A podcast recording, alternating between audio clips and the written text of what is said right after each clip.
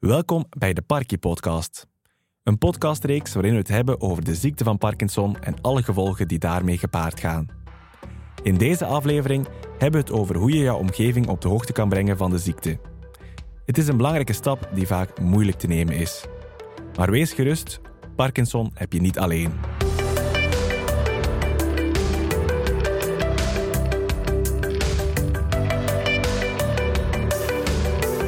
In de vorige aflevering kwam het belang van proactief werken en een positieve mindset aan bod. Een positieve mindset, het klinkt gemakkelijk, maar dat is zeker en vast niet altijd zo in de praktijk. Psychologe Jolien waarschuwde alvast voor één iets. Ja, eigenlijk de stap naar buiten zetten is zo belangrijk al van in het begin om eigenlijk niet in een uh, negatieve spiraal terecht te komen. De stap naar buiten dus. Daar gaan we deze aflevering dieper op in. We gaan het hebben over hoe je dit aan je partner of kinderen vertelt, hoe je dit kenbaar maakt aan je vrienden, maar we gaan het vooral ook hebben over lotgenotencontact. Ik kan zeggen onder lotgenoten dat dat zo'n beetje voelt als thuiskomen eigenlijk. Dat thuiskomen is voor zometeen. Eerst even terug naar die harde diagnose. Baf, je hebt Parkinson. Een mokerslag van je welste. Maar Laure geeft meteen een goede tip mee. Ze is 72 jaar en kreeg 17 jaar geleden te horen dat ze de ziekte van Parkinson heeft. Ik zou zeggen, het is een vreselijke diagnose om te krijgen. Omdat je weet dat het een afstakelingsziekte is. Maar voor de rest probeer daar niet te veel aan te denken. En doe wat dat je nog kunt doen. En blijf mobiel. En blijf onder de mensen komen. Onder de mensen komen. Gezellig dus. Maar toch is het plots anders. Je draagt een soort van geheim met je mee. Een geheim dat je al dan niet deelt met je omgeving. Laura koos ervoor om dit in eerste instantie enkel te delen met haar dichte omgeving. Ik heb dat toen alleen aan mijn partner verteld. En aan mijn dochter en aan mijn zus met haar, en haar man. En voor de rest van de familie heb ik dat niet verteld. Gewoon omdat er nog geen specifieke symptomen zichtbaar waren. En dat ik vond, je moet dat de mensen niet meer belasten. Het is pas, ik denk, de laatste twee, drie jaar dat ik zeg, ik heb Parkinson. De persoon die het nieuws als eerste te horen krijgt, is dus vaak de partner. En ook voor de partner is het geen simpele diagnose. Ik laat Tom even aan het woord. Hij is 43 jaar en kreeg in 2015 de diagnose. Um, ik denk dat um, de persoon die er het meest, um, meest uh, die er het slechtst bij dat is uh, uw partner, ja. Want, want, die heeft het niet en die ziet zijn partner daar achteruit gaan. En ja, die weet niet wat we kunnen doen. En uh, ik sta nog redelijk positief in het leven en voor mij was dat ja. Oké, ja, goed, next. Maar de mensen tegen wie dat ik het uh, verteld heb, en mijn, uh, mijn familie en, uh, en mijn vrouw, ja, die begonnen natuurlijk alles van op te zoeken en zo. En die wisten veel beter dan ik zelf wat er op mij afkwam. En die zagen dan ook de dingen veel sneller dan ik ik zag. Kortom, ook de partner krijgt dus eigenlijk de diagnose. En ook voor hen is het schrikken. Je hoort Maria. Zij is de vrouw van Leon. Hij is 77 jaar oud en kreeg zes jaar geleden de diagnose. Ja, dat is wel even schrik, niet, als je dat hoort. Ja, want dat kan iedereen overkomen, maar, maar je gaat dat niet krijgen. Niet? Ja, ja, he. ja, en ook dat was dan ook nog ja, prille begin he, van alle ambetante één. Ja, jong, ja. Dat is waar. Dat beentrein en dat je meer moe was. Ja, dat was wel, hè. Verder was er nog niks, nee. Dat komt dan geleidelijk. En geleidelijk aan verandert je rol als partner dus ook een beetje. Dit kan evengoed jaren duren, maar er komt een moment waarop je extra moet zorgen voor elkaar. Maria stond daar niet meteen bij stil bij de diagnose, maar ze merkt wel dat dit doorheen de jaren is veranderd. Uh, dan dat moment niet. Nee, dat was nog ver van ons, de situatie. Maar nu wijs je er wel al een keer op. Omdat je wel ziet hoe dat, dat verachtert. Ja, ja, en hoe meer hulp dat ze nodig hebben voor alles. Oh ja, wel, Dat wel. Je zou die bijvoorbeeld niet alleen in, een stortbad kunnen pakken. Nee. Ik zou voor eerst af weten ons in dat zo vallen erin. Nou, ook van de plaat niet. En ook uh, zijn ruggen wassen, zijn voeten wassen, kan hij dan niet meer. Nee.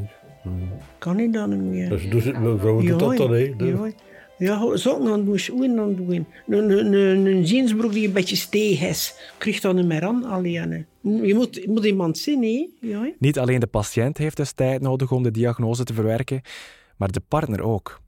En wat opvallend is, vaak gaat de patiënt sneller in het verwerkingsproces dan de partner. Psychologe Jolien legt uit. Ik denk dat dat bij de meeste koppels wel uh, toch op een bepaald punt wat, wat, moeilijkheden heeft en dat dat ook normaal is. Wij zeggen ook altijd van de ziekte draag je niet alleen. Je krijgt niet alleen de diagnose, maar het is altijd als koppel dat, je draagt. De partner is er evenzeer in betrokken. Um, en dan zie je ook, ja, het is voor de patiënt een verwerkingsproces met allemaal emoties dat je doorgaat. Maar voor de partner is dat ook zo. En dikwijls zit dat een beetje op een andere lijn. De patiënt zelf gaat dikwijls ja, toch al iets voelen aan zichzelf. Een bepaalde ja, verwachtingen dat hij misschien de diagnose zal krijgen. Dus die heeft daar al een beetje een, voorbereidingstijd in gehad. Dus een keer dat de diagnose er dan is, dan zie je soms dat dat ja, ook ergens een opluchting is en dat hij al wat verder staat in het verwerkingsproces. Terwijl bij de partner dat hij de eerste jaren wel meer indruk heeft van oké, het is wel draagbaar met de medicatie, maar dat de klop dan vaak achteraf komt, een keer dat de ziekte verder gezet is, dat er meer hulp nodig is. Dus dan zie je dat er eigenlijk ja, op twee vlakken een soort verwerkingsproces is bij de patiënt en bij de mantelzorger. En dat dat niet altijd gelijk loopt. Um, en dat, dat is ook ergens een stuk normaal. Dus uh, de partner moet dat ook kunnen verwerken, die diagnose. En ook het feit dat de relatie verandert. Want ja, dan is het niet meer enkel een koppel. Je moet ook ergens ja, taken gaan overnemen voor elkaar. Um, dus er komt meer bij de mantelzorger terecht. Er zijn dikwijls ook een beetje gedragsveranderingen of cognitieve veranderingen die het ook moeilijker maken om uh, ja, elkaar te zien zoals dat vroeger was. dus het is eigenlijk altijd zoeken naar een nieuw evenwicht. Um, ik denk dat het belangrijk is dat mensen weten dat dat ook normaal is en dat, dat, dat je daar ook de tijd mag in nemen om elkaar als koppel daar niet in te verliezen. Neem dus zeker de raad van Jolien ter harte en neem de tijd om op zoek te gaan naar dat nieuwe evenwicht. Je partner op de hoogte brengen is natuurlijk nog maar het begin. Er is ook nog je familie, je collega's, vrienden, kennissen, noem maar op. Maar we merkten dat elke patiënt dit doet als de tijd rijp genoeg is. Het is vaak een soort van verlossing als ook de omgeving uiteindelijk op de hoogte is. Je hoort opnieuw Tom aan het woord. Hij koos ervoor om het niet meteen aan zijn vrienden te zeggen. Ik sta het net niet in waarom dat ik het zo zeg. Ik sta het voordeel er niet van in ten opzichte van mijn, eh, van mijn vrouw en uh, mijn werkgever en um, mijn, uh, mijn, mijn familie wel. Die moet dat ook weten. Maar van de dacht ik, ja, elke keer aan jezelf niet, wat gaat er veranderen? Er gaat niks veranderen.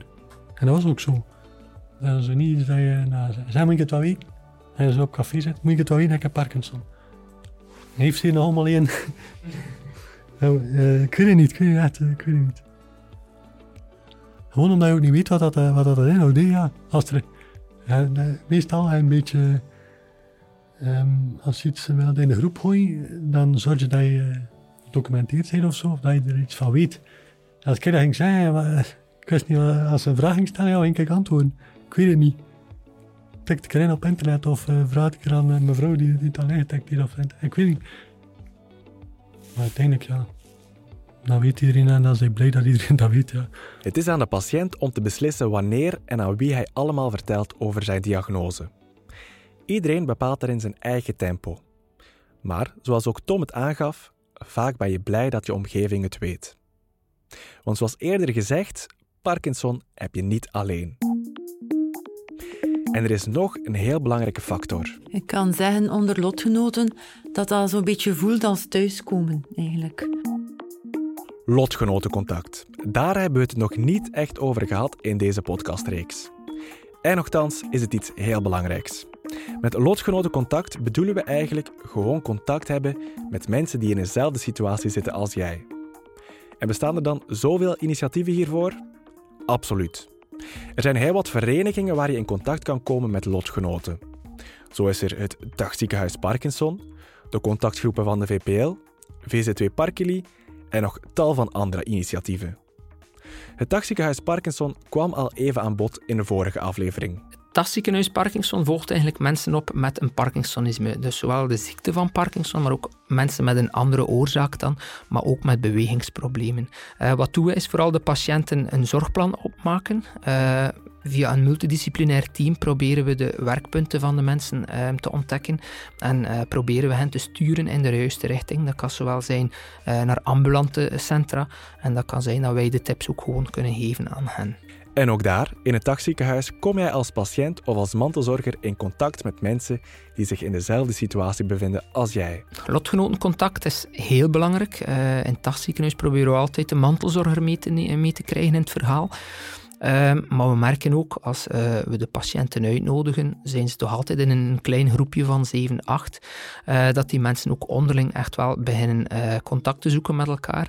En in het begin is dat altijd wat stroef, want eigenlijk hebben ze daar in het begin niet echt geen zin in, maar toch merk je dat dat echt een hele grote meerwaarde is. Ze gaan ideeën uitwisselen, ze gaan ervaringen uitwisselen en dat kan alleen maar ten goede komen voor, voor iedereen. Als tweede zijn er ook de contactgroepen van de VPL, de Vlaamse Parkinson-liga. Om uit te leggen wat die allemaal doen, ben ik te raden gegaan bij Christian.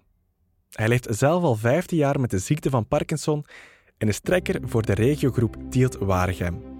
Voor hem was de contactgroep een hele grote meerwaarde bij de aanvaarding van zijn diagnose. Ik heb me daar een paar maanden deprimo geweest. Dat heel zeker. Maar toen heb ik me herpakt en hij zegt, het is niet waar dat ik me hier een hoekje ga zetten blijten. Bij manier op zijn West-Vlaams gezet. En ik heb me rug gerecht. En ben gestart met die groep. En dat is heel goed meegevallen. En uh, daar heb ik ook veel steun aan. De mensen zelf die komen en dat ook, zij, zij vertellen hun verhaal. En ik vertel mijn verhaal. En dat, dat, dat klikt over het algemeen heel goed. In conversatie gaan met lotgenoten. Dat is een van de vele zaken die je kan doen in zo'n contactgroep. En Christian stelt je meteen gerust, er zijn heel wat contactgroepen verspreid over heel Vlaanderen. Oh, er zijn een 30 of 35 tal groepen die, die werken onder de mantel van Vlaamse Parkinson Lia. Die groepen werken volledig zelfstandig pra praktisch en hebben, ja, hoe zou ik het zeggen, een eigen bestuur die zorgt voor de werking zelf. Waar iedereen kan bij aansluiten. Je mag van iedere groep naar elke groep toe werken. Er, er is geen enkel probleem dat, er, dat je bij vreemden een andere groep gaat. Je wordt altijd ontvangen. Kort samengevat, je kan als Parkinson-patiënt dus bij elke contactgroep terecht en dat voor tal van activiteiten. Informatienamiddagen, beweegactiviteiten, een praatcafé, gezellige bijeenkomsten, noem maar op. Oh, dat is tot de spreker vragen. Bijvoorbeeld, wij hebben dit jaar de notaris gehad. Uh, wat hebben we nog gehad? We hebben een logopedist binnenkort. Wat hebben we nog? Diëtist die ook eens komt. En wat er nog? Dan hebben we ook uh, de ontbijtwandeling dat we eenmaal per jaar doen. Want bewegen is belangrijk voor een Parkinson-patiënt. En daar komt er toch opmerkelijk veel volk op af. Dan hebben we ook iets leukers dat we doen. Dat is het kerstfeestje dat we doen. En dan, hebben we een optredentje van een plaatselijke groep of zo. Eenmaal per jaar doen we ook een barbecue. Dat zijn dan patiënten, vrienden van patiënten, familie. Eigenlijk een groepsgebeuren. Een groepsgebeuren. Dat vat het inderdaad heel goed samen.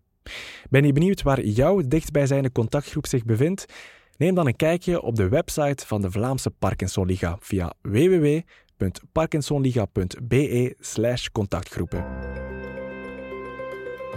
Het is al eerder in deze aflevering aan bod gekomen. Lotgenotencontact voelt als thuiskomen. En voor velen voelt het echt zo aan. Ik kan zeggen onder lotgenoten dat dat zo'n beetje voelt als thuiskomen, eigenlijk. Zo ervaar ik dat. Uh, in die zin uh, dat er ook geen taboe is onder elkaar. Hè. Dus we, we, hebben bepaalde symptomen. Hè. Bijvoorbeeld door medicatie kan het zijn dat je bijvoorbeeld allerlei verslavingen krijgt, koopverslaving, seksverslaving enzovoort. Andere mensen krijgen last van incontinentie, nog anderen van constipatie. Allemaal onderwerpen dat je niet zomaar aan Jan en alle mannen zo gaat eh, gaan vertellen. Maar onder elkaar is die taboe weg. Dat is weg, want je weet, ja, de ander heeft daar ook mogelijk last van. En, en, en dat vind ik heel uh, bevrijdend eigenlijk, om onder lotgenoten samen te komen. Hè. Dus uh, dat het ook uh, eigenlijk, ja, je, bent, ja, zoals ik al zei, het is zoals thuiskomen. En zoals hij ook zei, zo een, een, ja, een innige groep ja, er is toch een bepaalde sfeer onder elkaar. Het is niet zoals like, met een hobby. Het is iets, het gaat, het is iets, diep, iets diepgaander eigenlijk. En Veerle heeft dat lotgenotencontact gevonden in een patiëntenvereniging, Parkili. Zij hebben als doel het welzijn verbeteren van personen met de ziekte van Parkinson en hun omgeving. Veerle raadt aan iedereen aan om zich aan te sluiten bij een dergelijke vereniging wat ik daarom echt kan aanraden, eigenlijk aan alle lotgenoten, Parkinson-patiënten, is zich aansluiten aan, aan, een, aan een patiëntenvereniging, zoals bijvoorbeeld Parkili, waar ze dus eh, de focus leggen op bewegen. En daar is er wel een, een ruim aanbod aan sportmogelijkheden. Hè. Om, uh, onder andere Parky Dance, Parky Box, uh, Parky Move, hè, dus waar er stretchlessen worden gegeven. Er zijn ook wandelingen georganiseerd. Dus eigenlijk is er voor elk wat wils. Hè. En degene die zich wel uitdagen of die een uitdaging wil aangaan, kan dat. En degenen die het iets zachter willen, laten we zeggen, kunnen bijvoorbeeld yoga-sessies volgen. Allee, ik zeg maar iets als voorbeeld.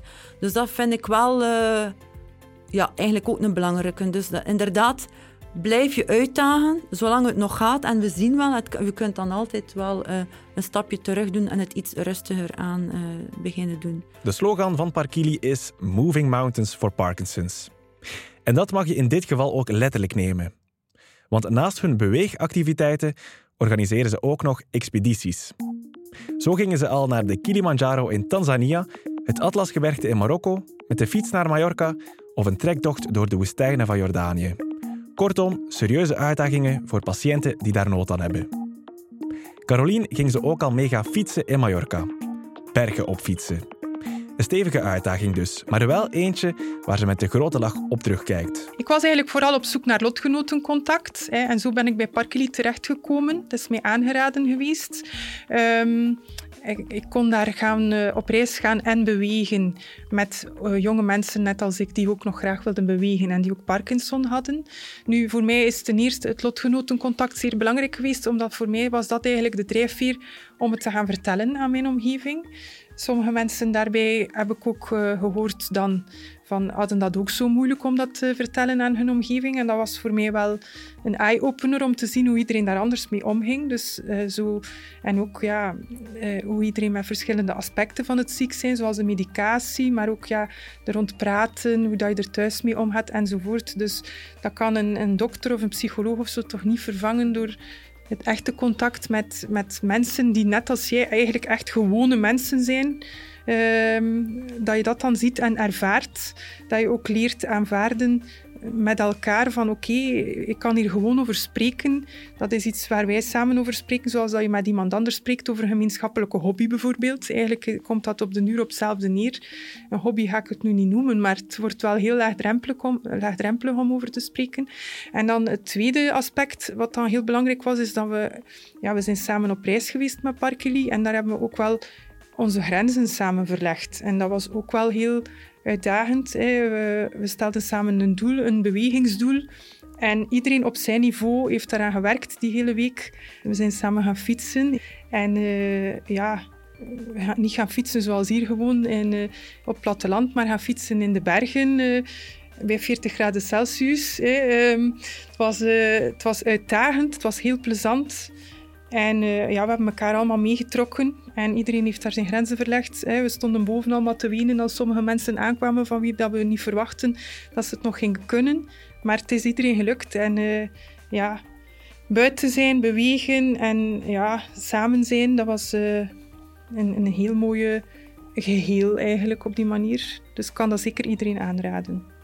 Patiëntenverenigingen zoals Parkili of contactgroepen van de VPL, ze brengen beide Parkinson-patiënten samen. En dat lotgenotencontact is voor heel wat patiënten een echte eye-opener. Wacht er dus niet te lang mee, want zoals psycholoog Jolien aan het begin van deze aflevering vertelde... Ja, eigenlijk de stap naar buiten zetten is zo belangrijk al van in het begin om eigenlijk niet in een uh, negatieve spiraal terecht te komen. En met deze aflevering is die eerste stap meteen gezet. Je hoort het, lotgenotencontact voelt als thuiskomen. En het zijn ook de mensen die je echt begrijpen. Zo kan je praten over welke symptomen jij allemaal ervaart en over hoe je daarmee omgaat. Zo leer je ook van elkaar. En er zijn wel wat symptomen. Het bekendste beeld dat het grote publiek heeft van de ziekte van Parkinson is het beven, het trillen van handen en benen bijvoorbeeld. Maar Parkinson is meer dan beven alleen. Daarover zullen we het hebben in onze volgende aflevering. Graag tot dan.